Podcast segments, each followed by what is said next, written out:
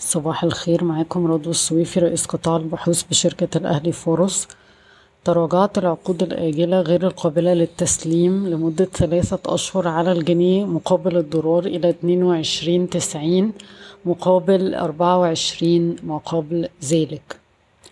توقع خبراء الصناعة استقرار أسعار حديد التسليح في السوق المحلي حتى نهاية العام رغم انخفاضات أسعار خام الحديد ده بسبب الوضع السياسي على المستوى العالمي واستمرار الأزمة بين روسيا وأوكرانيا وارتفاع أسعار الفايدة في أمريكا. تراجعت أسعار النفط تلاتة في المية هذا الأسبوع حيث فاقت مخاوف الركود العالمي. الدعم من خفض كبير من قبل أوبك بلس. التداول الديزل وزيوت الوقود تم عليه علاوة الأسبوع الماضي بسبب الحظر الأوروبي على الواردات الروسية. وبلغ متوسط فرق أسعار الديزل وال heavy fuel oil تقريبا سبعمية أربعة وستين دولار للطن.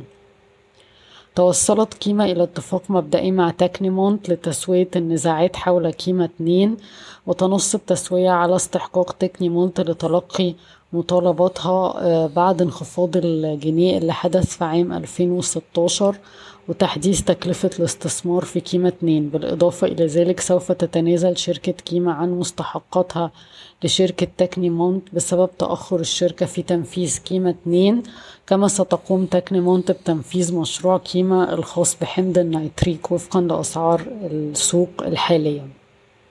أفادت وسائل الإعلام المحلية أن سايبات قررت الانسحاب من عرض الاستحواذ على باكين بسبب طول المناقشات والإصرار على دخول الأرض في الصفقة.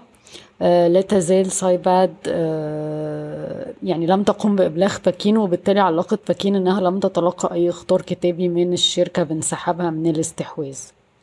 وقعت المصرية اتصالات اتفاقية مع شركة لومن لتقديم خدمات الإنترنت لشركات الاتصالات في مصر والشرق الأوسط وأفريقيا وآسيا باستخدام الشبكة المملوكة للمصرية للاتصالات. وقعت شركة جهينة اتفاقية مع كارم سولر لتزويد مصرعتها بالطاقة الشمسية بتكلفة استثمارية 130 مليون جنيه. يواجه العديد من منتجي الدواجن احتمال الإغلاق وسط ارتفاع أسعار الأعلاف ونقصها. طبعا ده ممكن يكون إيجابي للقاهرة للدواجن لأنها شركة كبيرة. تستهدف وزارة الزراعة إنتاج 150 طن من فول الصويا محليا مع ارتفاع الأسعار العالمية لأكتر من 17 ألف جنيه. سريعا النهاردة التلاتة فكركم بأسعار السلع العالمية مؤخرا. البرنت البرميل عند 92 دولار ونص فرق الديزل و heavy fuel oil عند 764 دولار للطن. اليوريا 760 دولار للطن بولي إيثيلين 1160 دولار للطن بولي بروبيلين عند 1015 دولار للطن. الفرق بين أسعار الحديد وخام الحديد 488 دولار للطن. سعر الألمونيوم 2300 دولار للطن. الأسمنت في مصر 1443 جنيه مصري للطن. الفحم الحراري عند 392 دولار للطن واللبن البودرة عند 3497 دولار للطن. بشكركم ويوم سعيد.